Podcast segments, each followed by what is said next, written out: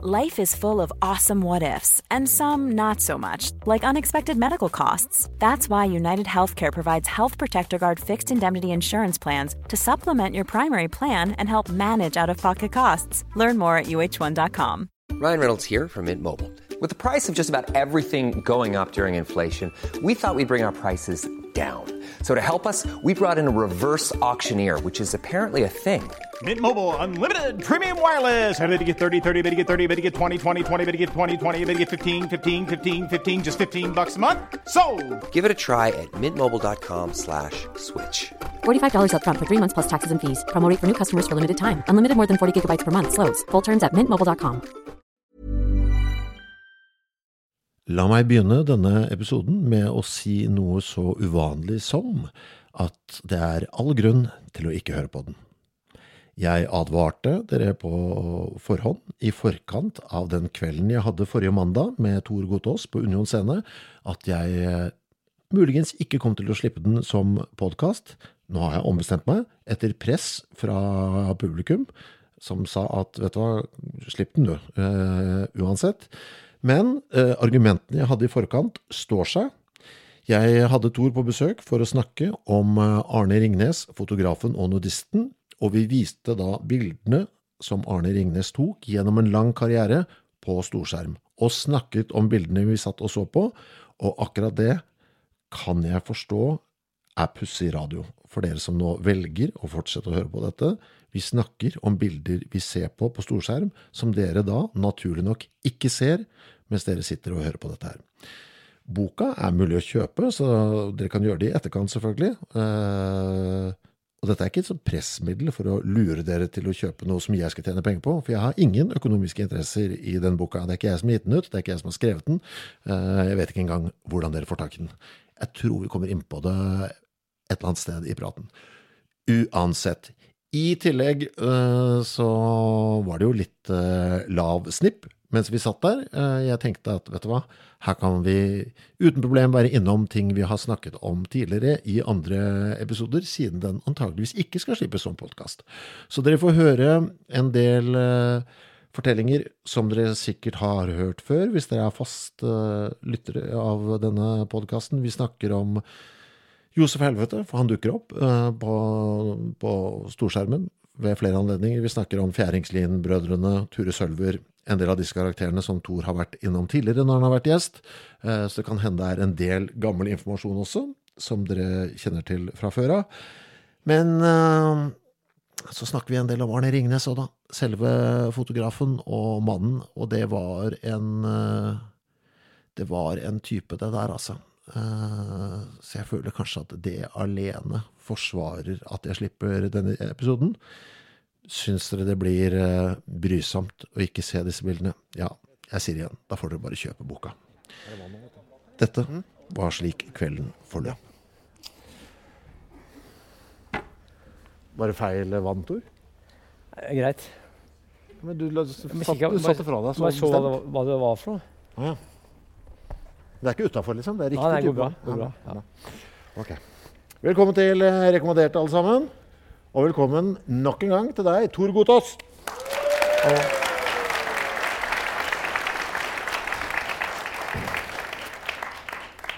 Uh, Det er jo den boka her vi skal snakke om. Uh, Arne Ringnes, hverdagslivets fotograf. Bilder fra land. Dette er det siste ekset som er igjen i dette lokalet. Skal få lov til å selge det etterpå. Eh, Kan du bare fortelle hvordan den boka kom i gang? Jeg skrev jo ei bok om Josef Helvete i 2016.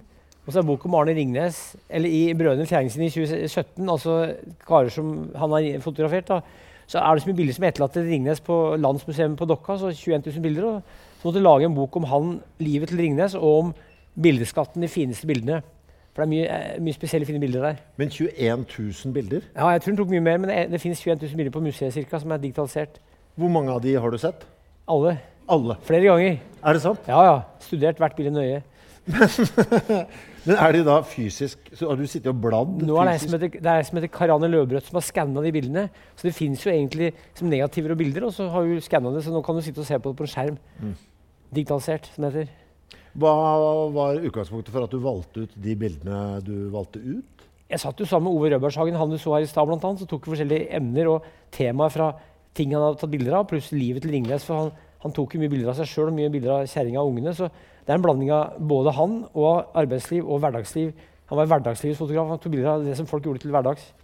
Men uh, hvordan var det å finne ut av hvem Arne Ringnes var? da? Hvordan Han var litt av en type. Ja. Han var født 1914, 16. år i Oslo og vokste opp på Skøyen. Og han var med onkelen sin, Charles Davis, som du har sett bilde av i boka, en harding, eh, til sjøs. Og dro til sjøs og jobba i Norsk eh, geografisk oppmåling, heter det. Og så tok en bilder og var journalist. Han var en eventyrer. Og så møtte jeg dame fra Dokka som da var eh, eh, Kjerringa han møtte, Margit, hun var da eh, Onkelen hennes var de tre brødra, som det er bilder av i boka.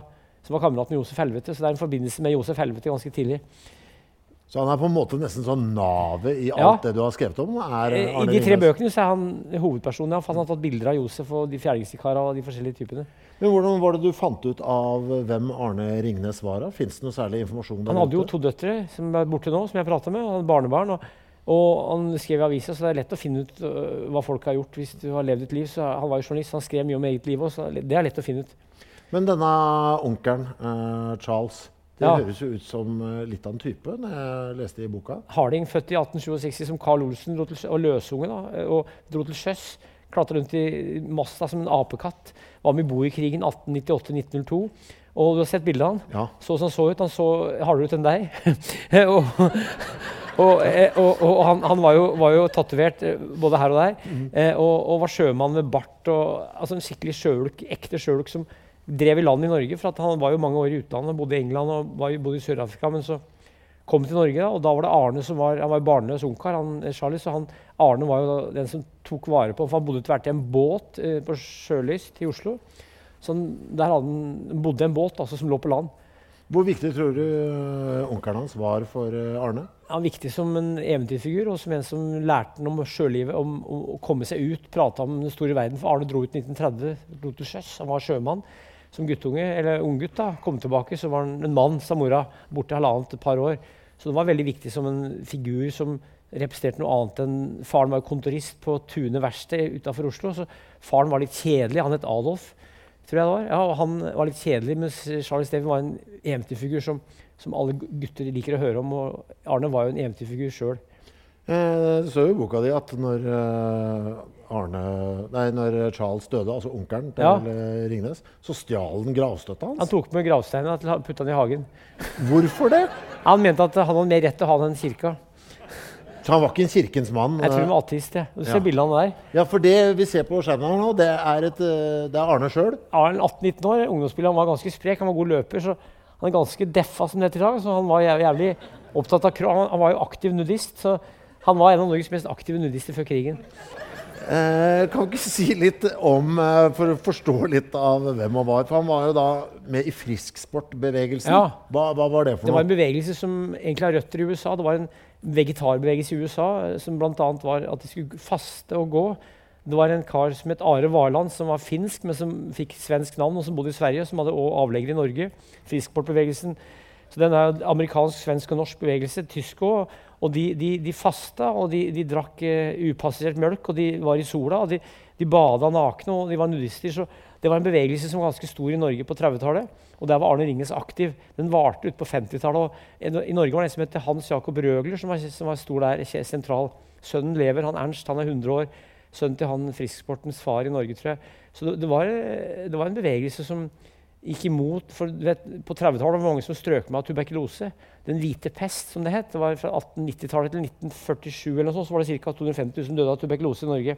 Så det var mange som strøk med det. Og motsetningen var da å være ute i frisk luft og bli brun, solbrun da, og, og, og, og spise sunt. Så det var en slags helsekostbevegelse med idrett og kosthold og sol. Ja, så det var idrett òg? De bedrev Ja. noe Var det noen spesiell type idrett? eller? Ja, eh, sånn løping og styrketrening og forskjellig. Ja. Men det var mer for å, være sunn, ikke for å være kraftig og stor. Men, men, men i USA så var det altså en bevegelse hvor bl.a. en som het Notto Fipp Han gikk jo fra Kristiansand til Oslo uten å ete, han gikk ned 17 kg. Han, på, var, han, eh, han skrev boka 'Sult, mjølk og bananer'. Eh, som handler om, Han gikk jo mellom Trondheim og Oslo og spiste bare bananer. Så det var marsjer mellom biffen og bøffet, biffen og bananen. Biffen spiste kjøtt, og bananen spiste bananer. Så det var rivalisering mellom biffspisere og bananspisere i, i denne bevegelsen på 30-tallet. Men Sier du nå at det var et løp gikk fra København. Og hvor det var noen som bare spiste bananer, og noen som bare spiste biff? Eh, fra København til Oslo så gikk biffen og bananen om kapp. Biffen han eh, var da kjøttspiser, og bananen det var Not og. Eh, og Not og Fip gikk fra Trondheim til Oslo og spiste bare bananer og drakk mjølk. Og jeg snakka med folk som traff ham, for han gikk gjennom Brumunddalen i 19 på 30-tallet. Og jeg snakka med Per Jorseth, han hadde også møtt den, så det var eh, bananen. Han gikk da langt for å vise at du kunne gå langt ved å spise bare bananer og drikke mjølk. Men bananen vant, eller? Eh, bananen ble slått, men bananen ja, hadde Ja, jeg tror det, men jeg tror kanskje biffen juksa. Oh, ja. Vet vi hvordan biffen gjorde Nei, seg? jeg tok noen snarveier. Ah. Men, men jeg tror no, bananen var mye eldre enn biffen, tror jeg. Mm. Jeg tror biffen var litt yngre enn bananen. Jeg har så lyst til at noen skal gjenskape det løpet. Jeg skal skrive bok om det. her. Du skal det? Ja, ja. Men det burde gjøres på nytt. Med en, altså to, en som bare spiser biff, og en som bare spiser banan, og gjør det en gang til. ja, for at han, bananen hadde jo matstasjon underveis. Folk serv- serva bananer. Og Hans Røger, da, som, Hans Jakob Røger sykla jo og ga bananen mjølk og bananer underveis. Ja. Skal boken hete 'Biffen og bananen'? eller? Jeg er usikker, men jeg skal i hvert fall lage en bok om det. Eh, så han kutta ut kjøtt, da. eh, Arne Ringnes kutta ut kjøtt, men han sla- tjuvslakta sau. Ja vel. Så han spiste sauekjøtt, men han, han var veggis, men han tjuvslakta slau. Tjuvslakta sau, ja. ja. Ja. Men altså, ble han tatt for det også? Altså, han, Jeg tror det, men jeg ga han faen i. Ok. Eh, han Han var eh, veggis en del år, han var det, men ikke alltid. Nei, ok. Nei, ja. Når- Når det passa for ham. Ja, det passa for det, ja. Men hva var det han tjente penger på? Han var jo ansatt i det geografiske oppmåling, og så var han frilansjournalist fra kanskje slutten av 30-tallet. Skrev, og god til å skrive og god til å ta bilder, så han var fotograf. Og han var der mye i krigen. Da jobba han for NTB og litt forskjellig. Så. Var det da sånn han kom i kontakt med kamera? da, eller? Ja, det var det. For I forbindelse med oppmåling, i geografisk oppmåling så skulle han ta, både lage kart og ta bilder. Så han var trent til å ta bilder, og du ser på, det er jo kunst på de bildene. Det er jo, det er jo stor kunst. Så han var jo, veldig, han var jo kunstnerisk òg, men så var han veldig seriøs i å ta bilder. Han hadde jo et bestemt uttrykk i fotoene. Du er enig at det er, det er høyt nivå? Men Hadde han ikke en egen sånn teknikk også? som Jo. han brukte? Han brukte noe sånn mørklegging, tror jeg. For at du ser at mange av bildene er ganske mørke. Jeg tror han brukte noe køl eller noe sånt. Mm. Jeg er ikke noe e- ekspert på det, men han brukte noe køl i eh, det her, Jeg vet ikke hvordan det foregikk, men han brukte i hvert fall egen teknikk. Ja, han gikk over negativene Ja, ja. eh, etterpå med noe kull i Ja, ja. I, ja, Ja, for å skape noe dybde og sånn. Eh, men eh, han eh, tjente jo penger på ulovlig vis også. ja, ja. Han solgte jo pornoblad. Eh, han solgte solgte kondomer, ja. For, at, han også, ja. for at han het jo Arne Olsen, egentlig, men så flytta han et sted i Ringnesvingen utafor Dokka. Og der var det en som også het Arne Olsen, som solgte kondomer og pessar på postordre. Så for at, for at de unngå å få, få bestillinger på kondomer og, og pessarer, så het han, tok han navnet Arne Ringnes. Men senere så solgte han sjøl òg kondomer. og han solgte jo pornoblad. Det som het Nakenkulturblader. Så solgte han postkort av døtrene som som gikk nakne på ski. Så han var, han var, han var aktiv innen nakenkulturbransjen da, i, i 40-åra. Han ble anmeldt for det. Men først så heter Ja. han Arne Olsen, Ja, ja. ja. og flytter inn ved siden av en Arne Olsen. Som som- solgte kondomer på postordre. Ja. Og da tenker han vet du, det kan ikke jeg ha noe befatning med, så jeg bytter han til Ringnes. Ja. Og så begynner han å selge kondomer sjøl. Jeg tror det, ja, ja, ja. Det er surr, altså. ja, ja. Men disse nakenbildene som han drev og solgte, Ja. hvordan var det dette foregikk? Han hadde jo annonser i aviser eh, på, etter krigen da, om at han solgte nakenkulturblader som var importert fra Danmark og Sverige. Danmark, tror jeg, For der var det porno var lo- mer lovlig enn Norge. Så det var mer for at han, han var jo ikke noe pervers. Det var bare at han likte soltilbeding. og Altså Han tok jo bilder av folk som satt og dreit òg. Eh, fiseringen utvida seg. Og så, nei, så han, han var med, han, skulle, han gifta seg jo naken omtrent òg, i 39. Så han var jo aktiv nudist. Naken omtrent, hva mener du med det? Ja, altså, jeg hadde vel kanskje litt klær på seg, da, men Ja. eh, dama var jo, nudi, var jo nudist. Dama. Det er jo nakenbilder av folk Ja, som går på ski i boka. kommer på skjermen. Ja, ja, bra, du har med det? Ja, ja. jeg, jeg, du har, alle bildene som vi viser i dag, er bilder du har valgt. ja, bra. Ja. Men jeg syns jo det er komisk at han eh, altså Han selger jo da liksom, litt sånn blader og sånn med litt nakenbilder. Han kaller det for Helseforlaget. Det forlaget han gir ut på. ja. Er det bare for å komme seg unna lovgivningen, eller mente han at Han mente at sol det var helse, han mente at det var bra å være naken. Så han mente faktisk at, at helse og sunnhet det innebar bl.a. at du skulle være naken i sola. Og, og hvis du går til 50-tallet, 40-tallet, så var det mange som aldri gikk i kortbukse. Eksempel. så han var jo en kortbuksepioner. og Du ser bildene i boka, det er masse bilder av han i bar overkropp. Så Han var veldig opptatt av å være i sola og herde seg og få, få næring fra sola. Så det var, det var ikke tull, det. Altså, han mente det seriøst. Men ble han en kjent figur? For det høres ut som en fyr som stakk seg ut litt. Han var veldig kjent oppi der, men så jobba han i NRK, vet du, så han ble kjent som hjortefot i NRK. For han kunne, kunne filme et O-løp, og så kunne han løpe i skogen og filme samme løpera eh, før de kom i skogen. Han, løp, han ble kalt hjortefot da, i NRK, og Arne Skeie kjente han godt. Han het hjortefot, han filma O-løp. Var ekspert på å filme og, og løpe og filme samtidig. Ja. Oløp, altså orientering. Ja, da, da var han gammel. Han var født i 14, så han var jo 60 år og løp jo med kamera i skogen og filma. Eh, ble han noen gang tatt for noe av dette? her? For det høres ut som han er på siden av loven på et vis. Han ble jo, ble jo tiltalt, og det var jo sak. Og den saken skulle jeg prøve å finne i Statsarkivet, og den fins ikke. Så det har sikkert han vært inne og lånt og tatt sjøl. Han var sånn, han tok, den, han tok- med gravstein, så tok han med saken sin òg. Han, han gjorde det som han ville. Så han ble, ble ikke dømt. Han var òg medlem av NS. Hvordan var det det gikk til? Han mente sjøl at det var pga. i 41 så måtte alle som ikke var medlem av NS, eh, gi fra seg radioen. Og han sa sjøl senere at pga. at han var journalist og frilans, så, var det en fordel å ha radio. Så han var medlem av NS for å ha lov til å ha radio. Josef Helleved var også medlem av NS. Han var det for å bære våpen. Men, men eh, han jakta, levde av å jakte. Men, så han, han var med NS for, for å ha radio, for da kunne høre hvor ting skjedde. For å kunne utføre jobben som frilansjournalist. Han var ikke nazist, han var NS-medlem, men fikk en bot på fem millioner, han og kjerringa. Så, så det var for å utføre jobben. Og han hadde jo bil tidlig, så, så han var litt framfusen og litt frampå. Jeg vil ikke si frekk, men en type som likte å gjøre ting på sin måte, og som fikk til ting, og som var veldig kjapp og god til å skrive, god til å ta bilder. og En utradisjonell type som, som eh, slett ikke kriminell, men litt, gjorde litt som han ville. da. Hva, hvordan var skrivestilen hans? Vi skal jo se på bildene her etter hvert. Det var veldig kjapp og lett og, og fin stil. og God til å skrive. Han skriver kjapt Ja, og lett, ja, og så likte han å snakke med raringer. ja. Ja. Har du tenkt tanken, Tor? At du har, laget, du har, du har satt sammen en bildebok av en, av en annen Tor Gotaas? ja altså, det er Det er mye likheter Det her. er Altså. en fellestrekk, ja. Det er Du jo har, det. hatt, har ikke du hatt en sånn nakenperiode, du òg? Jo, jo. Ja. ja. Fortell litt om den. Nei, jeg vil ikke. Jeg tar det senere. Ja. Ja, La meg bare spørre. Funka det? Ble ja, det? det fungerte bra, ja. Ja. ja. Jeg tar det senere. Ja, ok. ja, men det er komisk, Tor. Når jeg jeg leser den boka, så tenkte jeg ja, dette er Tor, dette er Tor Gotaas bare for, for en del år tilbake. liksom. Det har du latt deg inspirere? Er han, eh, Det er klart den, det er morsomt å skrive en bok om en sånn type og se at han har tatt så mye bilder. og Han var jo egentlig forut for sin tid, for at eh, han var opptatt av ting som folk er opptatt av i dag. ja. Mer enn det vi tror. Hvis du ser Det det er jo 50-60, eller 70-80-90 år siden han var opptatt av de tingene som mange er opptatt av i dag. Så han var jo var veldig framfusen. da. Ja, for det som slo meg, og det er derfor vi sitter her i dag, Kristian, for du bare stakk denne boka til meg. Når vi, Mm. I Alvdal, ja. Ja, når vi var på Alvdal. Uh, og så, så, så, ikke noe, så ikke noe for, Hvem er det som har gitt ut dette? her, da? Det er historielaget på Østsini. Ja, Så det er et Som jeg aldri har hørt om. Nei, ingen har hørt om det. Så Nei.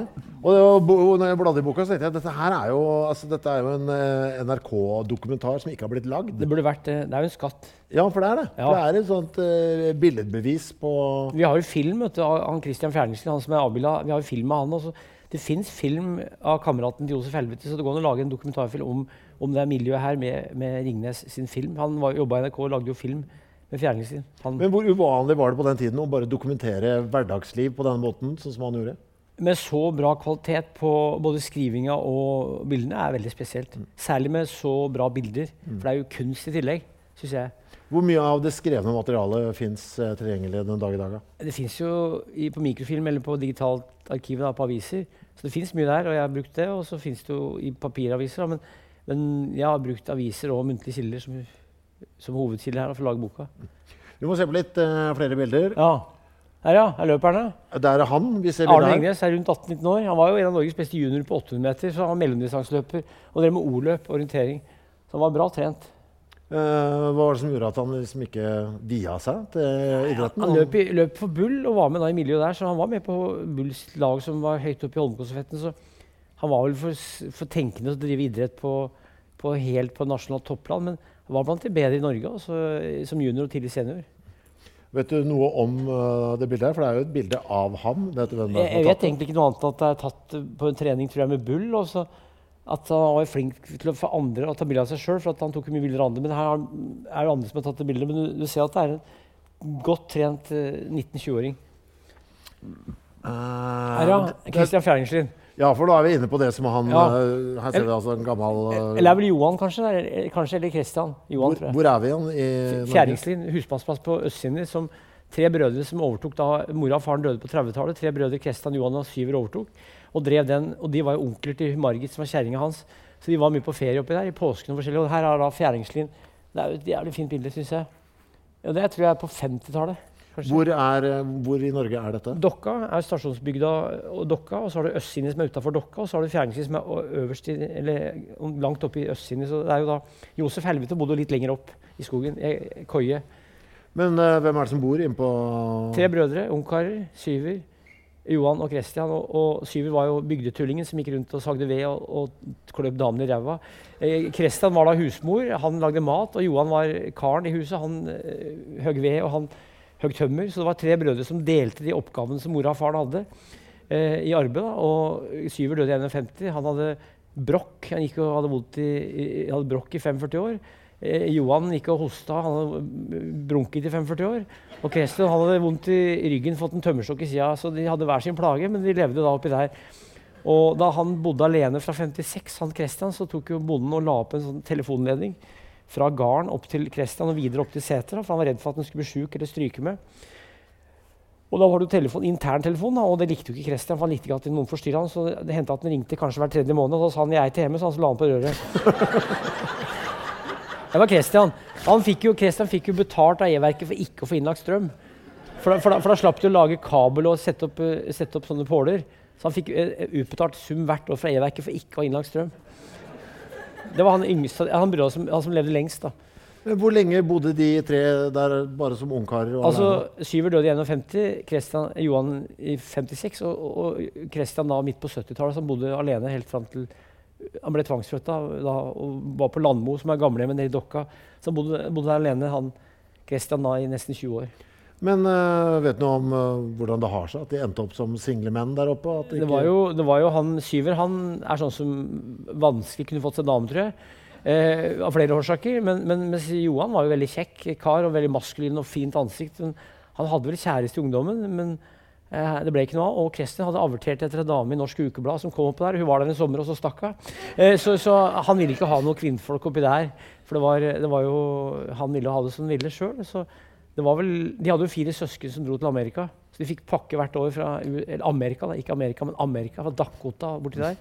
Så, så, så de fikk eh, klær og mat, eh, så de hadde kontakt med resten av verden. Men det var fire søsken som dro til Amerika. Og, og, og mora, da, søstera, var jo mor til Margit, som var, altså Margit da, var datter til søstera til de kara her, som Ingnes da var gift med, så de var jo på ferie oppå der mye. Men eh, hva var det de livnærte seg av? Var de selvforsynte oppe på gården der? Syver var jo bygdetulling, gikk rundt og sagde ved. Og, og, og, ja, altså, han, de bodde jo på bruket. Syver gjorde mye rart arbeid. Johan var skogsarbeider og gardsarbeider. Og Kristian var husmor og gardsarbeider. Så de drev bruket. Hadde ikke noe særlig inntekt, men de hadde jo mjølk, de hadde poteter, kanskje litt kønn, korn. Og jakta og fiska. Så de var jo sjølforsynt mer eller mindre, vil jeg tro. Nesten. Kjøpte kanskje kaffe, sukker og snus og tobakk. De dyrka tobakk òg. Dyrka tobakk? Ja, gjorde det. Jeg visste ikke at det gikk an å gjøre i Norge. Jo, under krigen så gjorde mange folk det. Ja. I veggen oppå huset, tror jeg det. Her, ja. Er det et bilde til? Hvem er det vi ser ser Ture her? Sølver. Ture Sølver. 1979. Han var jo eneboer oppe i Totenåsen. Han var jo tømmerhogger fra eh, Skrei alena-området. Han var over i Canada på 20-tallet og så holdt på å fryse i hjel. Så resten av livet likte han det varmt. Så han satt opp i en køye her og, og var tømmerhugger mange og likte å fyre. Så han bodde i, i, i køye med jordgulv i 1979 som het Lucy vegg. Lucy vegg. Eh, han bodde der og fyrte stort sett hele dagen. Eh, spiste havregryn og fyrte av det han drev med. Eh, og, og ble tvangsflytta på gamlehjemmet året år etterpå. Han nekta å bruke dassen på gamlehjem, så han dreit uti. Så han bodde på gamlehjem og dreit uti. Han døde i 88. Han skal lage egen bok om, tror jeg. Om Ture Sølver? Jeg tror det, ja. Jeg tror vi har flere bilder av meg. her. ja. Ja. Du ser at det er en Jeg vet ikke. Det er, Det er bra bilde. det er et kjempebra bilde. Og det slår meg at uh, når jeg ser det, så tenker jeg dette er kanskje en fyr som ikke for det første ikke er så vant til å bli fotografert, men kanskje ikke liker det heller. Så altså, Arne må ha hatt, altså Ringnes, fotografen, må jo ha hatt en egen evne til å komme innpå folk. Da. Han var jo besøkende, og da bodde da i 79 koie med jordgulv.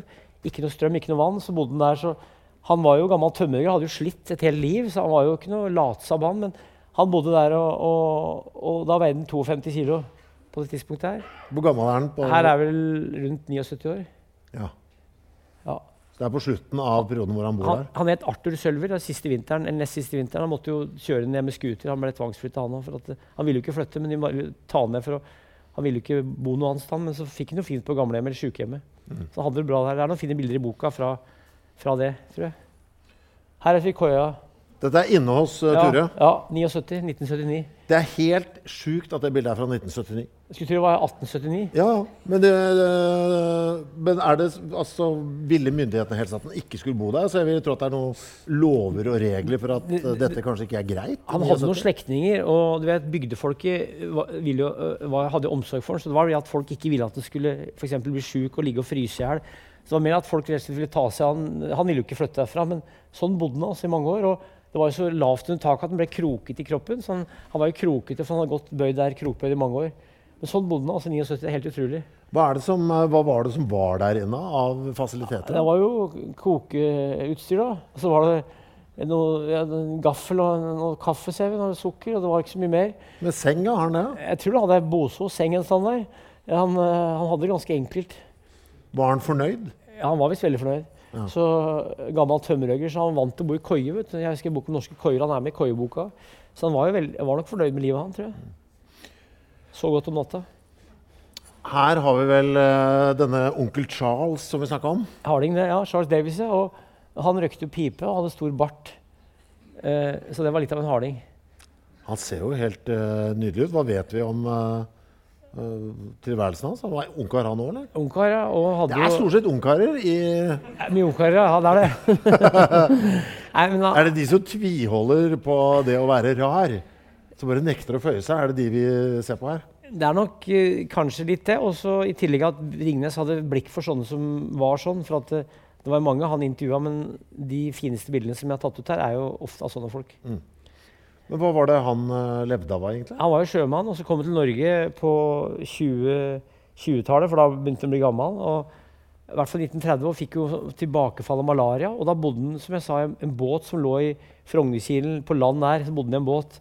Og så ble han skikkelig sjuk i 1950, og da dro Arne inn til byen og henta han på en lastebil. Han satt bak på et lasteplan. Henta han til eh, der han bodde utafor Dokka. Så han bodde da sammen med Arne og kjerring og to unger de siste tre åra. Og da, da jo han, ble kalt Lalla, unga til Arne. Lalla, men han het jo Charles Davis. Og var en gammel sjømann som kunne Du ser jo bilder i boka. Han kunne lage, lage sånne kørjer, han kunne klatre i tau. Han var en helt spesiell type. Altså, skikkelig sjøluk, altså, som hadde overlevd mange Vært runda Kapp Horn hvor 10% av båta sank. Det var jo mange båter som sank. Han hadde overlevd forlis. tror jeg, Skikkelig klassisk norsk sjøluk. Altså. Det er ganske sterk eh, kontrast mellom eh, altså, onkel Charles og faren til Arne, da, som er en streiting. Han var streit, men han var òg glad i havet. Ja. Så han likte å være på sjøen, men han valgte da å jobbe på Tune verksted som funksjonær. Mens han her var da, var da sjømann og eventyrer og var over hele verden. Seilte over hele verden. het han Charles Davis? Han, han, het Carl Olsen, men så skifta Ja. han navn til Charles Davies, som bodde i England. så han tok navnet Charles Davies, var tøffere i utlandet. Han vil være tøff! Ja, ja. Ja, Men det er jo et veldig tøft navn òg. Jeg syns jo det. Ja. Hva er det vi ser her? Det er, da, det er vel noen som driver og fikser kirketaket oppå Er det Østsini kirke, tror jeg? Nå er det folk i salen fra Østsini her, men det er i hvert fall kirka oppe på Østsini der hvor, hvor, hvor um, Charles ble begravd, hvor han, Arne tok med seg gravsteinen. Det er da på 50-tallet, eller 40-tallet, en ordentlig kar som går og fikser eh, Jeg tror det er taksteinen driver og fikser det, eller et eller annet sånt. I hvert fall kroppsarbeid. Det som er jo litt gøy, da, man, man ser, skjønner jo nå, hvis man tenker seg om, at Arne sjøl står oppe, på taket her og tar dette bildet. Han gjør jo det. Ja. Og det er flere bilder som er litt uh, Ja, her har vi Johan Fjerningslien, tømmerhuggeren i familien blant de brødra. Hvem av brødrene Johan, Johan. Han Som som var sterk, ja. Ja. Men det var ikke landsbytullingen? Nei, det var syver. Nei. Nei. Så her Johan, og han var jo sterk, hard tømmerhogger. Og den som gjorde det tyngste arbeidet på bruket, for de delte jobba seg imellom. Men eh, han gjorde det tunge arbeidet. Han var også kamerat med Josef. De var fiska mye sammen og jakta sammen. Han var mye sammen med Josef Helvete. Her er også en skogsarbeider eh, som, som eh, ja, altså, Han løfter vel en stokk. Det er vel enkelt og greit. Det er egentlig litt sånn fælt å se på bilder av uh, iskalde vintre Ja. akkurat nå. Men uh, Ja. vi skjønner at det har vært kaldt tidligere òg. ja. Her er jeg tror 1951, da var det mye snø og tre meter snø. Så, det var- så det var snøvinteren 1951 var det jævlig mye snø opp, oppi der. eh, og da var det å måke seg ned til stammen, og så måke seg ned til tømmer... Ja, du skulle finne tømmer under der. Men ikke sant, når ser her, det er tre meter snø. Det er, Ja. Mannen er jo halvparten så høy som snøfonna her. Ja, Men når du har han derre som Ture Sølver og sånn, da, ja. som bor langt pokker ble de, Snødde de ikke inne og holdt Jo, på men det kan graves, graves ut. Hvis du Ja, snør men- inn, så graver det ut. Ja, men Gjorde de det? De må jo ha stått og Har ikke noe valg. Nei. Nei. Nei, ja, han gjorde det. Ja. Ja. Her er Syver. Han og av de brødrene som var Jeg tror kanskje han var eldst. Han døde i hvert fall først i 1951. Og han var en sånn type som sa og gjorde mye rart. Hva slags ting da? Nei, eh, Han har aldri vært noe særlig utafor bygda, tror jeg. Han hadde kanskje vært på Gjøvik. Jeg, jeg tror Kristian hadde vært i Oslo. Han gikk til Oslo en gang. 14-15 mil. Og så hadde kanskje Johan vært på Gjøvik, men han tror jeg aldri vært utafor bygda noe særlig. Så det var en hemføring, en gammeldags hemføring. Han var i bygda, og der trivdes han best. Var det han som kløyp damene i ræva? Ja, Ja. blant annet. Så sa mye rart. Men eh, hvis det huskes at du var han som kløyp damene i ræva 60 år seinere, så har du klipt mye i ræva. Det er helt sikkert riktig å tenke det, ja. Ja. ja. Okay. Men var folk redde for dem, eller? Han var nok, nok unger som var redd, for at eh, han, han kunne nok virkelig skummel. Men jeg tror ikke det var noe, at han var farlig. Men både han og Josef kunne folk unger være redd hvis de ikke kjente dem. Men han var en uskyldig bygdetype, vil jeg si da. Ja. Men Fikk de være i fred? Jeg tror jeg. Han var jo på Grangard gamlemer, eh, der fikk han jo operasjon. For han hadde jo hatt brokk i mange år, så han gikk jo hadde vondt. Han fikk en operasjon, så han var, han var jo Jeg tror det, ja. Det er Johan. Det er bra bilde. Altså. Pause. Eh, Johan Fjerningslien. Det, det er ikke noe femi, det der. Så han, eh, han var jo tømmerhugger, og der, der ser du flaska med mjølk, og så ser du kaffekoppen, og så litt forskjellig som er bak. Og så vømmølsbukse, vadmelsbukse. Tynn. Ja, lite daukjøtt på han. Så det er da tatt Jeg tipper rundt 1950, kanskje. Han er vel ja, kanskje i slutten av 50-åra, eller rundt 60 år. Jeg er usikker. Ja. Uh, hvor gamle ble de, sa du? Disse Ikke, han Christian ble eldst. Han som var husmor, han ble vel uh, rundt 80, kanskje. Men de andre gikk med litt før. Han her røkte jo og hosta hele tida, så han andre Ja. De ble ikke så gamle, nei. Her har vi en mann vi har snakka mye om. Josef Helvete, ja. Ja. Inni koia.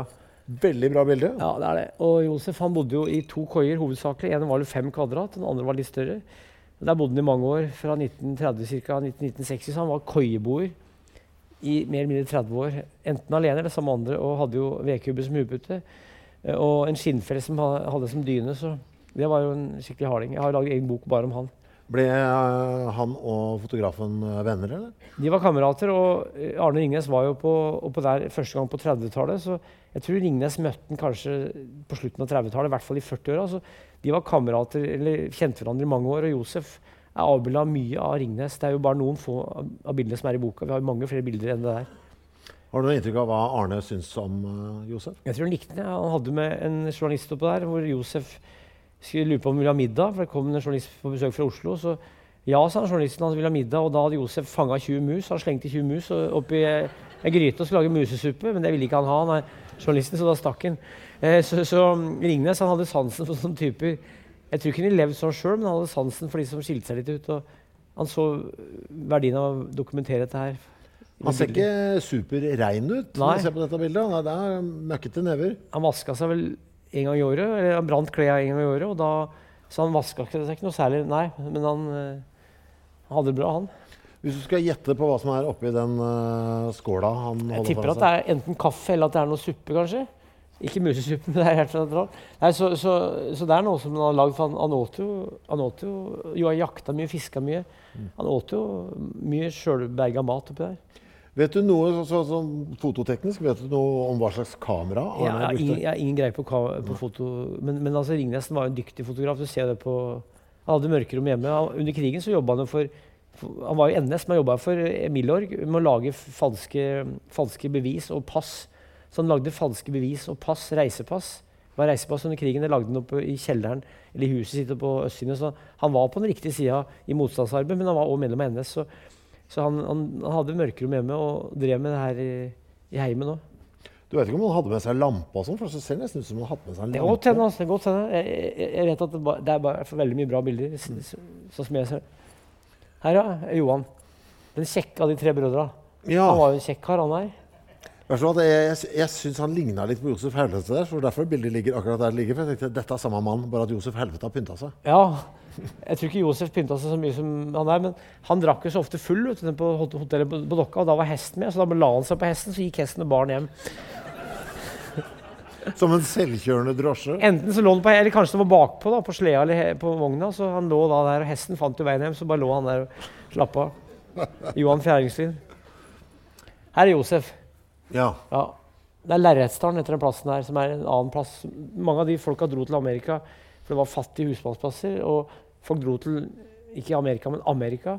Og, og her er da Josef eh, oppi der eh, med den lua si, den artige lua som han har. Hvilket, uh, hvilket bruk er det vi ser bak her? Lerretsdalen heter det. Ja, hva hadde han der å gjøre? Nei, da søren, han bodde vel lenger oppe i ei koie, tror jeg. Så han kom gående fra der han bodde, tror jeg. Og så skulle han nedover til Fjæringslikaret, kanskje. Han var jo ofte og besøkte de brødra på julaften, var han der, og litt forskjellig. Så de hadde mye felles, de kara. Og i påsken så var Ringnes der ofte med kjerring og unger, så da var jo Josef der. Så derfor fikk Ringnes tatt mye bilder på den tida der. Åssen var det, og, tror du, for eh, Ringnes å ta med seg barna opp og besøke de tre brødrene? De, De, eh, jeg snakka med, da, Lola Ringnes, som bodde i København, som jeg besøkte i 2017, hun syntes det var skikkelig moro. For hun var jo som et sånn gress, gress altså sånn vilt altså de, de ble jo fostra opp på brennesle og, og rå mjølk og, og, og nudistkultur, så de syntes det var moro å være sammen med både Josef og han der, eh, de brødra. De syntes det var skikkelig moro. For de var ikke noe slemme, de brødra. De var, de var jo likte unger, de. Men du sa eh, Lola. Hun heter jo egentlig ikke Lola. Nei, for at uh, Ringnes var jo NS under krigen, og Lola er jo da en karakter som Marlene Dietrich spilte i Den blå engel. Men presten nekta å døpe Lola under krigen, så hun ble døpt Edel Alfa. Edel Alfa, jævlig vanlig navn. Så, så hun het egentlig Lola, men det står Edel Alfa i kirkeboka, men hun het Lola senere. Andre Toril. Ja, Så han fikk ikke lov til å altså, men Han fikk ikke lov til å kalle henne Lola av Nei, presten? det var sånn connection til den filmen i 1930 som var tysk. Men, så presten skrev Edel Alfa, men hun het Lola. Men vet vi noe om de hadde noe altså Var det bare presten som fant på noe der og da? Eller? Jeg spurte Lola, og jeg tar Søren, så det er heller merkelig ut at hvis du ikke får hete Lola, så blir du kalt Edel Alfa. Det må være Det er jo jævlig spesielt navn, det, er det ikke det? Men vet du, bytte, Fikk hun bytta det ordentlig etter hvert, eller? Ja, så het Lola. Så det står Lola i Ja, jeg traff henne i Danmark, heter Lola, ja. Ja, ok. Mm. En artig dame, altså. Men du nevnte eh, brennesle og surmjølk. Ja, Det er jo litt av legenden om eh, Arne. ja. er jo de to tinga. Det ble sagt at han bada i, i surmjølk og piska seg med brennesle, men han drakk jo surmjølk og, og spiste brennesle, så det er vel det at han kanskje drakk mye surmjølk og seg, spiste brennesle, så ble det til at han piska seg med brennesle og bada i surmjølk. Men, men det er ingen som vet om det er sant. Men hvor er det, hvem er det som har sagt dette? At han drev og Det er noen rykter som gikk på bygda. Hvis en kanskje da kom postmannen kanskje kom på døra, så lå han kanskje naken da, og drakk surmjølk. Og så gikk det rykter om at han bada i surmjølk og piska seg på brennesle. Så det er rykter tror jeg som har gått. Ja. Det gikk mye rykter om han. Han, han, han. han var jo bevisst på at han gjorde ting som han visste at ryktene ville spre seg. Ja, han likte det litt Jeg tror det. ja, jeg tror det. Åssen var huset, forresten? Var det noe merkverdig der òg, eller? Var det Jeg tror egentlig ikke det, for han hadde et hus på østsiden oppe i Ringnesvingen. Derav navnet Ringnes. Han tok navnet til det. Så jeg tror det var et ganske vanlig Det var noe påleveranda, men det var et fint hus, tror jeg. Mm. Josef, ja. Med snus eller tobakk. Han var en ivrig snuser. Ja, var det. Ja. Snuse, han drakk kaffe. Det var ikke noe særlig alkohol, men han drakk mye kaffe, tror jeg, og levde for så vidt ganske sunt etter datida. Så han hadde mistet tenna. De samla gebbis til, men jeg ville ikke bruke, så han kasta ut et tjern som heter Lusputten. Så tenna ligger jo der. Så hvis han tar med seg snorkel og dykker med, så kan han dukke etter tenna til Josef Helvete. ligger oppi der. Han heter jo, heter jo Elvebakken, da, men plassen han vokste opp på, heter jo Helvete. Der er navnet Helvete. Så han heter egentlig Josef Elvebakken. Eh, ligger han begravet med gravstøtte og det hele? Han ligger begravd på Ås kirke, men jeg har vært på Støtta. Eh, Støtta er tatt bort, for han døde jo 15.11.1972. Begravd 22.11.1972. Samme, samme kirke som for øvrig far til Anne Lindmo var prest på noen år senere. Men støtten er borte, at, og den er malt i steinmjøl. Så graven ligger mellom noen andre støtter, men støtta er borte. Men vi vet hvor den lå hen. Det har vært akkurat der den lå. Eller der den ligger, da, for den ligger jo nede i bakken. Hva med de andre gutta? Fjæringslinjen og sånn? De ligger vel på, på, på østsiden, på kirka på østsiden, vil jeg tro. Men med støtte? Jeg tror det. Jeg tror ikke, jeg vet ikke, jeg tror ikke han tok med han Ringnes, nei. Hadde med støtta til han Charles Davis i hagen sin på Gjøvik. Er den der ennå, eller? Jeg tror ikke det, men hadde med stønn i hvert fall. Hvem er det vi ser her, da? Som klatrer i Her er Charles Davis. Ja. Det er jo skikkelig artig bilde. Det er teknikk med å klatre opp i, opp i, opp i masta. Helt utrolig åssen han klatra. Er det flere bilder av samme se- serie? Ja, der, ja. Det, er- det er Gått opp i åra og høyt Nei, opp i 80 år, 80 år, 80 år, 80 år pluss. Det er jævlig bra, altså. Uten sikring. Ja, uten sikring. Har du et til òg? Nei, Nei. der, ja. ja. Det er kjerringa til Ringnes. De gikk jo på ski uten klær. Ja, både ser naken og det- det- jeg har tatt et toppløsbilde av, av kona. ja, Ja, Er det de- disse bildene han driver og selger òg, eller? Jeg tror kanskje litt det, for at han solgte noen bilder av, av døtrene, men de var veldig små. da. Så det var ikke noe porno det var, Men altså, jeg tror hun solgte noen bilder, private bilder òg. Han tok jo mye han, han brukte jo mye som modell. Ja. Så hun var nakenmodell, og det sto bl.a. bilde av hun naken til et helseblad før krigen. Og mora var religiøs. Hun var en av elleve søsken.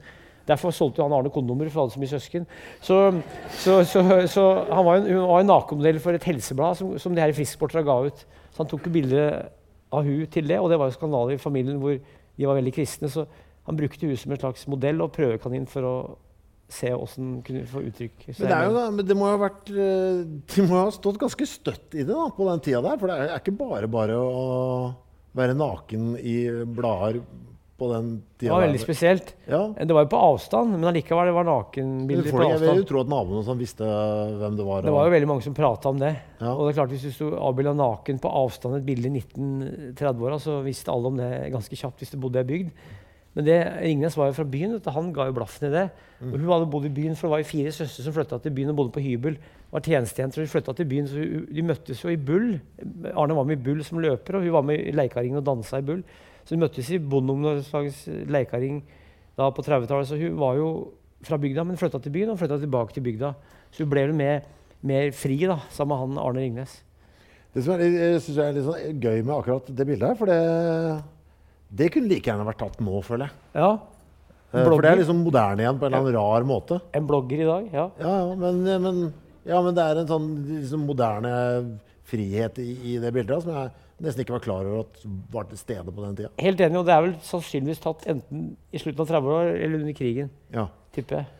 Men han er jo raus. Altså, det er, Ja. alle, Ja. alle er med. Ja, Her har vi fire nakne pers. ja det er Ringnesen til høyre. Det er Ringnesen til høyre. Ja.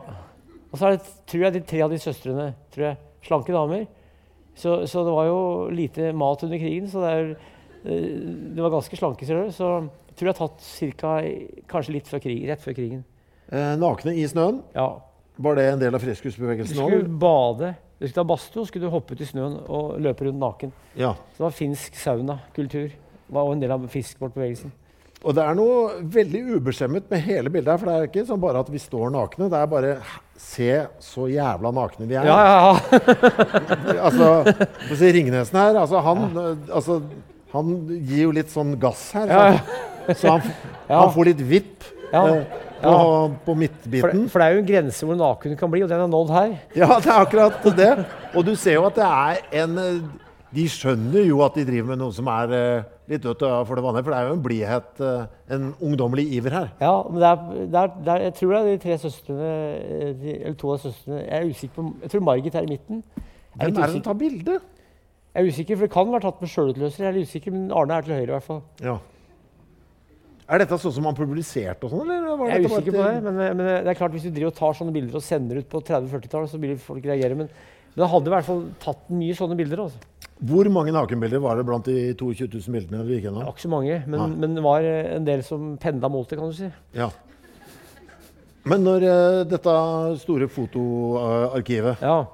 altså, Er dette noe som bare er skjenket av familien, eller Det er det ting som han har sendt inn? Han døde jo i 2003. Døtrene Lola og Toril har gitt det her til museet, så museet eier jo de bildene. Okay. Så det er en gave. Så, Så det er ikke han som har sagt 'for guds skyld, ta vare på dette flotte nakenbildet av meg'? Jeg tror ikke det, nei. Nei. Men det er jo egentlig sannsynligvis tatt mye mer bilder enn det som museet har, så jeg tror mye har blitt borte. Mm. Men, men de 21 000 er jo, det er jo mye, det òg. Eller rundt 21 000, tror jeg. jeg tror det er cirka det. For det har dukka opp stadig mer.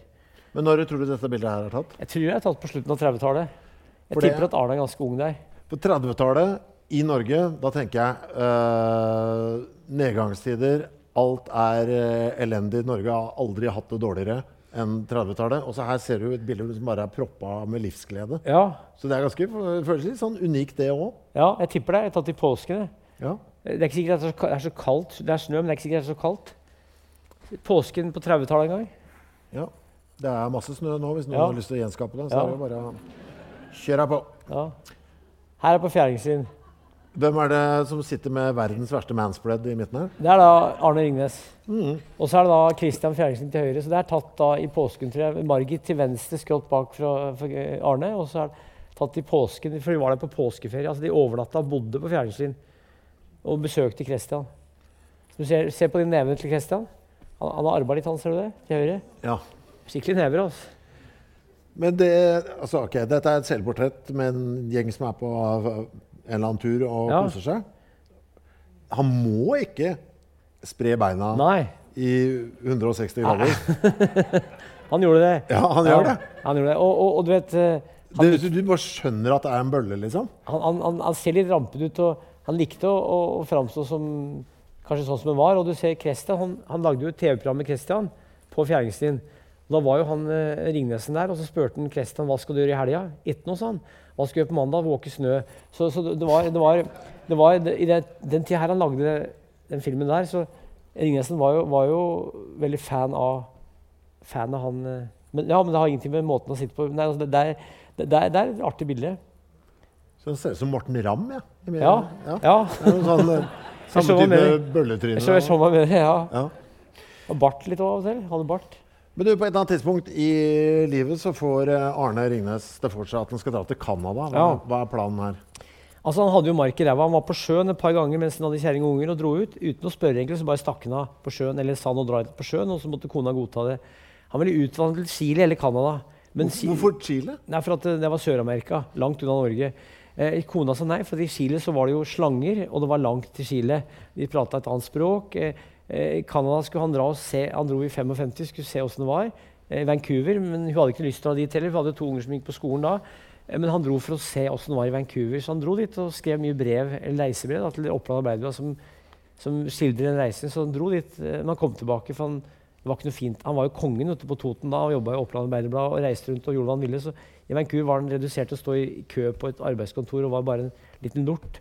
Men Hvordan fikk han penger til å dra dit? Hadde penger til å dra, tok båt over. Det var ikke så dyrt, så hadde penger. Så planen var å emigrere, men kjerringa ville ikke være med, og, så han kom hjem og fortsatte å, og skjønte at han hadde det best i Norge. Men, så hun kom aldri etter? Nei, nei, nei. Selv om det Men det er mye planen? artig brev, reisebrev som står i Oppland. Han var god til å skrive og god til å observere og skildre. Det var noe her eh, i denne boka eh, Skal vi se om jeg finner her. Det var et sitat fra hvordan det hadde vært der nede. Ja. Eh, ja, Nå fant jeg det ikke, selvfølgelig. Eh, Han likte ikke USA, men likte Canada. hva var det han ikke Nei, USA var stort. Og jeg tror han likte Canada bedre, for det var jo mer jomfruelig land på 50-tallet enn USA. Uh, ja, jeg Mer rikt. Norge, mental, mentaliteten, tror jeg. 151 skal jeg som side, sideantall som jeg skulle lese fra, men eh, da var det bare bilder. Han hadde noen uh, påpekninger om hvor tjukke de var. Han syntes de var der borte. Borte i USA Canada, ja. Ja, ja. syntes det var breie over ræva. ja, ja det står det, ja. Ikke spesielt fornøyd med det. Nei. Jeg må bare se om jeg finner det. Ja. Ja, her er det, ja. Ja. Uh, dette er et sitat som han da har skrevet til seg sjøl. han er jo da på, på båten uh, på vei eh, over. Disse gamle eller halvgamle grå rypene har nok gryn på bok og er et lett bytte for de mange franske eller fransk-canadiske gigolos som glir omkring i skipet og med smektende dandyblikk og smørjefjes ser seg om etter et party for kvelden eller bingospill. Og så er det mitt favorittsitat. Bingo er et slags idiotisk lotteri som dyrkes med stor iver av alle engelsktalende folk. Et idiotisk lotteri. For jeg var på båten til USA fra England. dette her. Ja, det er det det er. Det var mye gigolos som var på båten. som drev og... Det var mye rike damer som reiste. Det var det de mente at det mye rike damer som reiste med båten. Jeg synes det var gøy at han hata bingo så fælt. Ja. Hvem er det vi ser her? Er det? Det er Arne Ringnes. Spilte jo saksofon og, og musikalsk. Han var, han var, kunstnerisk på flere måter. Han spilte, eh, sto oppe i Ringnesvingen og spilte 'Summertime' på, med saksofon. Digga jazz. Eh, barn, kom det noen gang noe på opptak? Fins det opptak av det? Jeg har ikke hørt det, men jeg, jeg tror han hadde konserter og spilte til dans og litt sånn forskjellig. Han var ganske allsidig. Altså. Var han med i noe band? eller noe? Jeg tror det. Ja. Så, men, men jeg vet lite om det. Hvor gammel er han her, tror du? Jeg tipper han er eh, kanskje 30 år. Det er tatt til oss i 1945 ca. Uh, han tok jo mye bilder av barn. Syns det var moro. Mye bilder av unger. og det, her er, det er bare noen av mange bilder av unger. Og det her er leking oppi Øssinni, Østsini. en sving oppi der. Jeg skal skrive bok om norske sparkstøtinger. Her er et tidlig bilde av han og Charles Davis. Ja. Her er han la oss si 14 år, da, 1928 kanskje. Så onkelen har jo ganske bra ser brunfarge. Han har vært mye ute på sjøen. Altså. Er skikkelig harding. Han er onkelen. Men nå avbrøt jeg deg. Du sa Ja. at du har en bok på gang om uh, Norske sparkstøttinger. Ja, Når er den kommer? Oktober. 10. oktober. 10. oktober. Ja. Hvor langt har du kommet? Halvveis. Halvveis. Ja. Hva vil det si? Hvor er du da i historien? om- 1945. Å, ja. Ja. Er det da Går vi inn i en ny storhetsperiode for sparkstøtting? Ja, men jeg, deler ofte bøker før etter krigen. for at Hvis jeg jobber meg fram til 1940-1945, så er jeg omtrent midtveis ofte i boka. Mm. Så er det med at det er lett å ta, og da vi kommer til 45, så er det mange som kan huske det. Det er mye muntlige informanter som er i live. Jeg regner med at du tar en tur når boka er ferdig? Hit, ja? Ja, Hvis jeg blir spurt av deg, så. ja, ja du gjør det. Ja. Men kan du røpe noe om eh, For det lurer jeg på. Er det norsk oppfinnelse? Svensk. Svensk, ja. Ja. Så alle tror er norsk, men er svensk, og det kommer fra, øst, fra Østersjøen-området, oppi Nordbotten oppi der. så 1840-50-tallet kanskje, men det var mye sparkproduksjon i Norge, og mange som lagde sparker. Men det kom til Norge kanskje i 1870-80-åra, muligens. Det er i slekt med kjelker og forskjellige andre anretninger, så det er en definisjonssak. Men sperken regnes som å være svensk, ja. Kan du røpe noe eh, rart du har kommet over i researchen? Ja, Det var veldig mange dødsulykker, faktisk. Folk som drukna på spark. Det er, ikke, det er jo tragisk, da, men folk som har kjørt seg på spark. Og eh, det er folk som har para seg på spark. Og det er mye rart som har skjedd på spark, som, eh, som skal stå i den boka der, ja. Para seg i fart? Både og, ja. Ja. Fart og i stille, ja. Eh, det var dette bildet igjen av eh, Charles, som Ja. egentlig het Carl Olsen. Carl, Carl Olsen. Ja. Det er Josef Helvete. Hugger tømmer. eller Barker. Barking av tømmer. Uh, her er, da, er det bilde av Josef som har tatt seg en jobb her, eller gjør det for egen Han jobba jo mye som skogsarbeider, og det var jo alltid fritt yrke. i den forstand Det var jo ikke noe timesbetalt. Du bare møtte opp og jobba, og så fikk du betalt etter hvor mye du gjorde. Så det drev Han mye med. Han var skogsarbeider, Josef. Gardsarbeider og løsarbeider og frikar. Var mye sånne typer før i tida. Så han levde jo av løsarbeid egentlig hele livet, mer eller mindre. Fra 1928 utover, i hvert fall. 28. Men eh, sånn som eh, Josef, da, som eh, liksom, ville være for seg sjøl Ja. på denne koia. Ja. er jo samme mann som du sa i stad, serverte mus til Ja, ja? Så det er litt, sånn, litt vrien type. ja. Men var han vrien å ansette også, og ha som arbeider hos seg? Kunne han liksom plutselig bli borte og sånn? Jeg tror nok Josef, hvis han tok en jobb, så gjorde han det ordentlig. Men han hadde jo to unger, f.eks.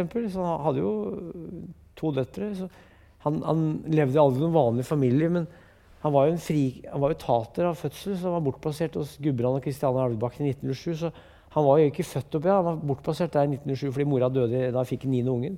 Så han var jo en fremmed fugl i bygda. og han var en outsider fordi han var da i fengsel. Han var på Reitjern, han var på Presseter på Reinsvoll, psykiatrisk. så han hadde, han vært i fengsel, så han hadde et rulleblad. Så, og på bygda så blir de aldri kvitt et sånt rykte. så Det var det ryktet han hadde som tater og der, som gjorde at han kanskje ville være i skogen. For i psykiatrien så fikk du ingen dom. Du kunne risikere å bli stengt inn hele, hele livet. I fengsel får du en dom og er der ett eller to eller tre år. men så han var redd for å bli tatt tilbake til psykiatrien og, og, og, var i skauen som løsarbeider og bodde der. Og levde et liv med arbeid og være løsarbeider på gårda rundt. Så han arba nok eh, og jakta og fiska. Så hadde sikkert noe å gjøre hele tida. Så det var tryggere på en måte hvis han bare holdt seg unna folk? For folk var det som var farlig? Tryggere å holde, holde seg unna politiet, i hvert fall. For ja. han hadde jo en del venner, og alle visste om Josef oppi der. Men han var redd for å komme bort til psykiatrien, for da ble du stengt inne i kanskje i 30 år. Disse unga hadde noen kontakt med de, eller? Eh, Jeg tror hun kanskje hadde kontakt med den ene. For den ene døde under- av tuberkulose under krigen. og andre det, Hun var født på 20-tallet. Hun var sammen med um, en tysker eller NS-mann under krigen og døde av tuberkulose under krigen. Født rundt 1920 ca. Eller 21. Og andre var født ca. 1-32 og kan risikere eller leve i dag. Bortplassert hos en barnløs familie som hadde mye, jord, eller mye skau, men ikke, tror jeg. Så hun kan være over 90 år hvis hun lever. Men mm. jeg tror ikke hun vet at hun er datter til Josef. Hvis hun lever. Her er det Arne og Margit. Bryllupsbildet 39. Det er bryllupsbildet! Ja, ja, ja. Ja, nettopp. Så, så du snakka om ja, det er, eh, ja, det er jo ikke brudekjole og, og smoking. Det er det ikke. Det er ganske spesielt til å være 39, vil jeg si. Så, Ja, Det må stikke seg ut. ja, så det, det er jo barbeint, og det er vel oppe i Nordmarka eller Østmarka. Så det var jo frisksport, bevegelsens ånd, dette her å ta gifte seg på den måten her. Men det er jo, de er jo hippier lenge Ja. før hippietida. Ja, ja. Han var, jeg hadde ikke langt hår, da, men ellers var det full hippie-livsstil, ja. Ja, med blomster de ser ut som de har plukka Ja, i nærheten av ja. Men var, det, var de en del av et miljø hvor det var mange som gjorde dette I? Oslo var det et frisportmiljø, og det var da eh, Are Varland hadde foredrag med masse folk som hørte på. Jeg har snakka med, gamle- jeg har snakket med gamle folk jeg, som er døde nå, da, som var med i det miljøet. Så det var et, akkurat som du har eh, et uh, hiphop-miljø eller skateboardmiljø, så, kunne det være, eller, ja, så kan det være et sånn frisportmiljø i Oslo på 30-tallet som han var en del av. Arne Ringnes. Det var gjerne folk som leste mye, og folk som var beleste og som var bevisst som var med i det miljøet. Når du ser på de bildene her nå, så får man inntrykk av et, sånn, nesten et rosenrødt liv her. Bare noen skjær i sjøen.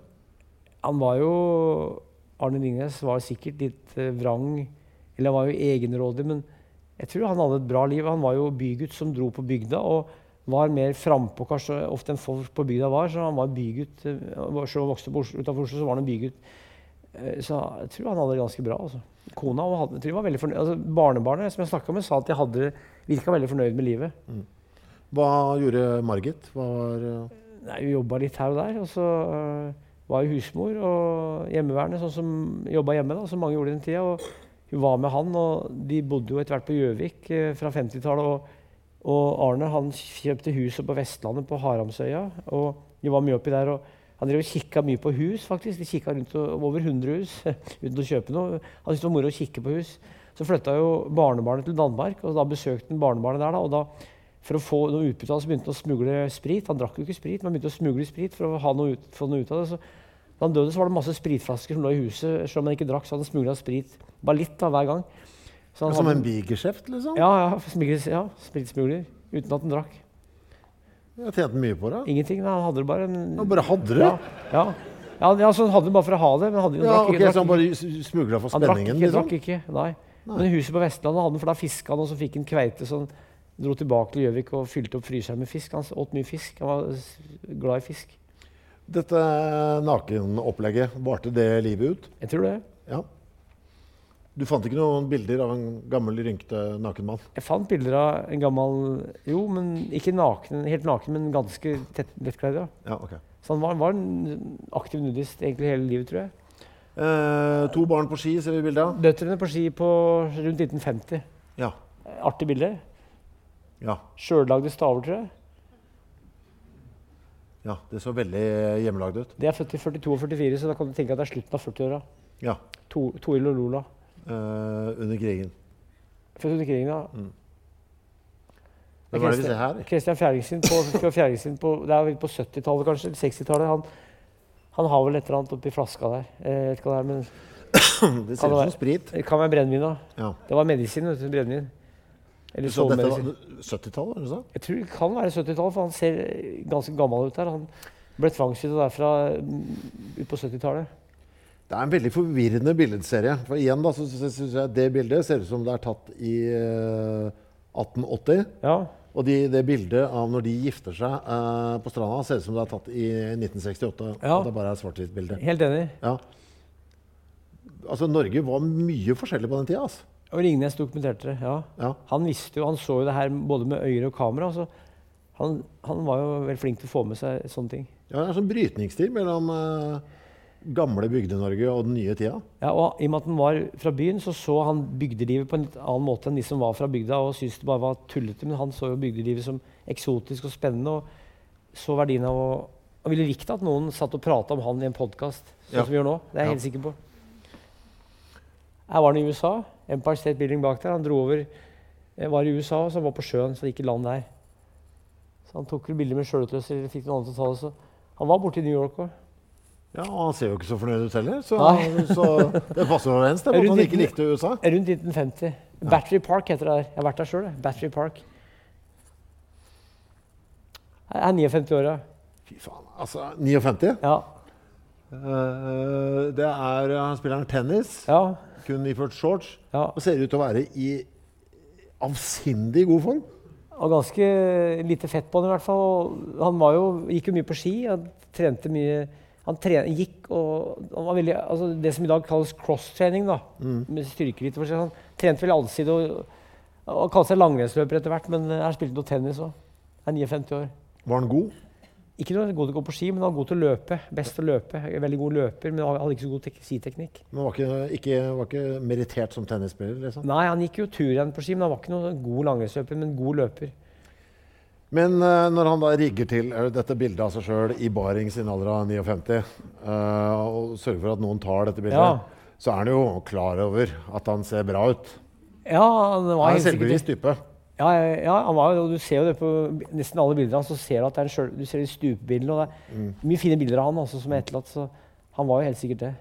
Hva, hvordan blir livet hans eh, fra dette bildet her har tatt og Han utover? gikk jo av med pensjon i 1981. Da var han 67 år og fortsatte å skrive frilans i, i opp, OA, da, Oppland Arbeiderblad. Og, og var aktiv med å skrive egentlig nesten livet ut. Han døde jo da i 2003.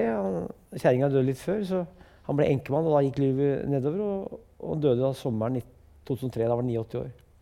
Da, da var han en kjendis i Gjøvik, altså lokal, en som alle visste om. Eh, I dag er jo mange av de som han kjente da, fra hans alder, borte. Men han var en lokal kjendis på Toten. Hva var han kjent som da, liksom? Nei, han var kjent som skribent, og i NRK så var han kjent som Hjortefot, som jeg sa. Så han var en kjendis da i lokal, altså, på Toten, da. Og så var han kjent i NRK som en raring som filma ordløpere som løp mens han løp. Og, så, så han var en type som mange visste om, men som i dag nesten er glemt. Men fordi boka kom ut, så er, jo, er det jo flere som kan høre om den.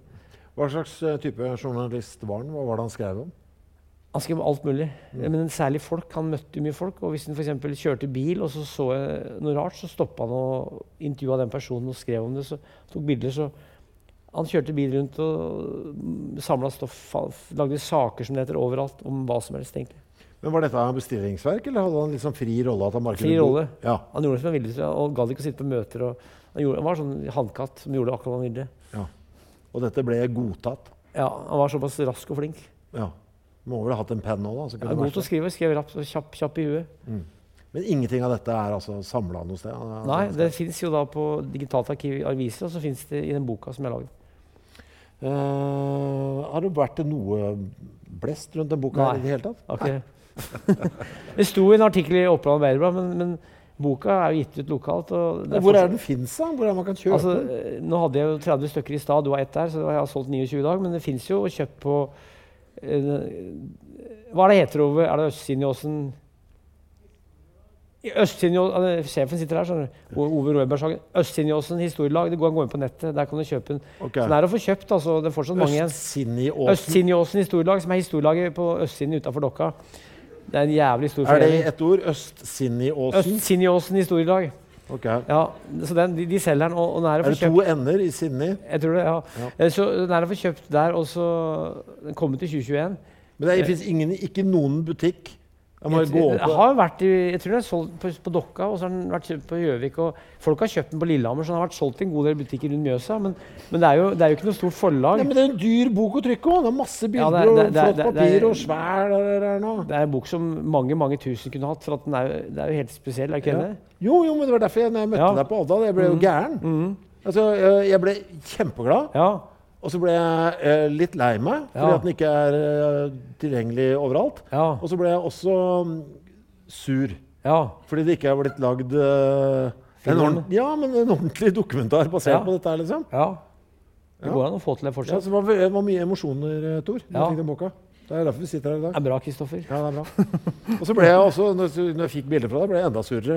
Jeg ser at det går an å se sånn ut i en alder av 59. Som, Ja, som jo er uh, Provoserer meg voldsomt. ja, ja. Ja. Mm. ok. Men boka altså Østsinjåsen historielag går an å få tak i. Ja, for det er, jeg regner med det er mange igjen. Mange igjen, ja. Ja. Og det er ett X igjen nå som skal selge så fort vi er ferdig her. Det her, Og så er det noen hundre igjen oppi der. Eller Ja, kanskje tusen, og jeg er usikker, men noen hundre i hvert fall. Ja. Eh, Er det sjølveste Josef på coveret? Det er Johan Fjæringslien. Det er Johan Fjæringslien, ja. Ja, ja. Jeg går i surr på dem. Ja. Altså. Det er bra bilde på omslaget, syns jeg. Hva er det han dør av, Arne? Eh, det var vel egentlig alderdoms organsvikt. Alderdom var 89 år, og eh, kroppen begynte bare å svikte. Og så, jeg har sett døden i øya, hans, han, men eh, jeg slipper det ikke ennå. Så han sa det til dattera at han nå var klar for å gå. Så han, han bare døde naturlig i en alder av 89 år. Han hadde ikke vært noe særlig sjuk. Jobba han helt til det siste? Han skrev inntil det siste, ja. Ja, Men ikke bilder? Han tok bilder òg, men jeg vet ikke om de sto i noe stand, for han hadde mest sånne petir, petitter, som det heter, uten, uten bilder på slutten. For han var jo 20 år med skriving uten at den var ansatt. Bare som fri- frilans pensjonist. Jeg må legge opp det siste bildet, som var det første bildet vi viste Ja, han. ja. Hvor han står i barings og prøver å dra til seg solstråler. Eh, Hvor gammel er han her, tror du? Jeg tipper det er rundt 18 år. Ja, ikke sant? 1932 ca. Ser nesten helt lik ut når han er 59. Ja. Ja. Bortsett fra barten. Bortsett fra barten.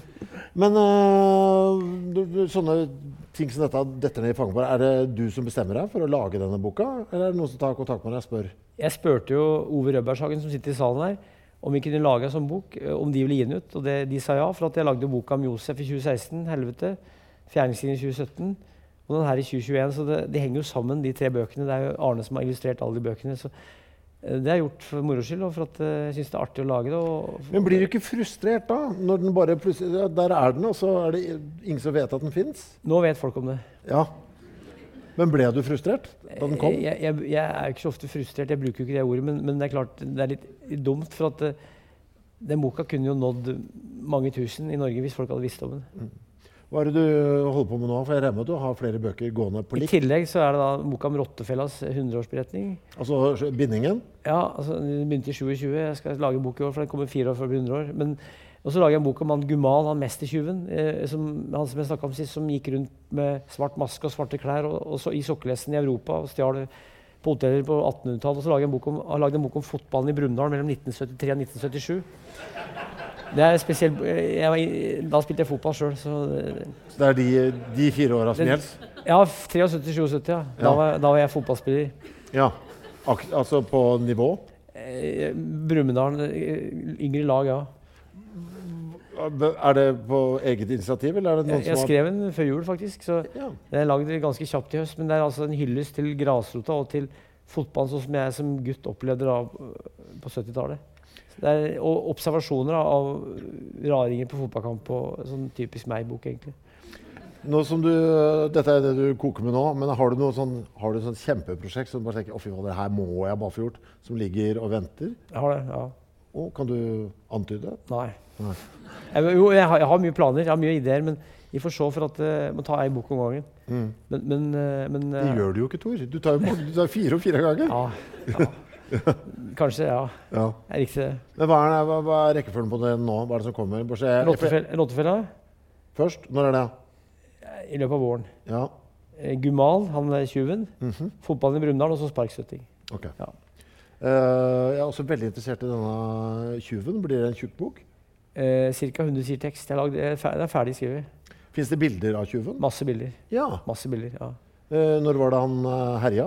Han levde fra 1843 til 1918 og døde i 1918, så det er masse bilder av han. Han var Europas mest kjente hotelltyv og snakka sju-åtte språk flytende og skrev flytende språk, så han var helt spesiell. Gumal Hjort. Gumal Alexander Hjort. Gumal, altså. Gumal. Sparkstøtting og en mestertjuv, er Ja. det det som er tittelen på den kvelden vi skal ha etter hvert? Ja, bra. Ja. Ja. ja, ja, ok, bra. Tusen takk for at du kom, Tor. Eh, jeg skal putte denne boka her selvfølgelig ute i, eh, så folk kan få anledning til å kjøpe den. Så skal jeg bare si at eh, det blir rekommendert igjen om to uker, 29. januar. Da skal det handle Dette er også litt for deg, vet du, om de lange løpene. For de som ikke syns at en maraton er langt nok, altså ultraløp. Eh, Det er eh, ultranerden Kristian Ellefsrud som skal lose oss gjennom dette. Vi skal da fra en tid da det å kunne løpe i timevis var en forutsetning for å få tak i mat, til eh, det det er nå, en av de raskest voksne idrettene i verden. Der er det mye folk du kunne skrevet. Uh, Jeg har skrevet en bok om løpingens verdenshistorie. Ja, Så jeg har, vært inne, jeg har egne kapitler om ultraløping der. ja. Hva, er det, hva er ditt favoritt-langløp? Favorittlangløp eh, tvers over USA i slutten av 20-åra. Mm. Var tvers over USA, altså to-tre år der. Mm. Det er et eget kapittel i boka mi. Så det er, det er mye interessant i ultrahistorien. Hva er det lengste du har løpt? da? Jeg løper ikke så langt. men En gang løper jeg fem mil. men Jeg, jeg har jo sykla Trondheim-Oslo 30 ganger, men jeg løper ikke så langt. Så jeg løper mye korte turer. Jeg løper heller kort og trener kreftene inn i kroppen. Men, men eh, jeg sjøl vil ikke jeg løpe langt, for jeg tror det er skadelig. rett og slett. Eh, jeg skal bare minne folk på at eh, det hele foregår på et nytt sted. Altså Kometen scene, som ligger på Strømsø torg 4. Man kan spise pizza i første. og å gå mett ned i kjelleren og høre på ultraløping etterpå. Det er mandag 29. januar klokka åtte som vanlig. Jeg tror jeg kommer, jeg. Ja, det skal du gjøre. Jeg setter deg på gjestelista. Det. Ja, ja, ja. Bare send meg navnet i god tid. Tusen takk for at du kom, Tor Gotaas.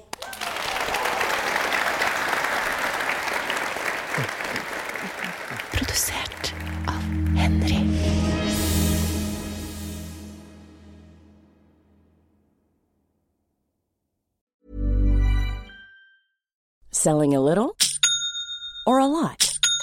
Shopify helps you do your thing however you cha-ching. Shopify is the global commerce platform that helps you sell at every stage of your business. From the launch your online shop stage to the first real life store stage, all the way to the did we just hit a million orders stage.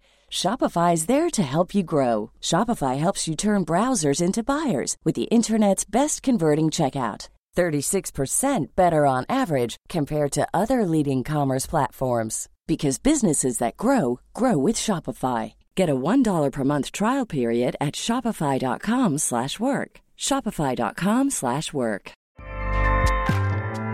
ACAST powers the world's best podcasts.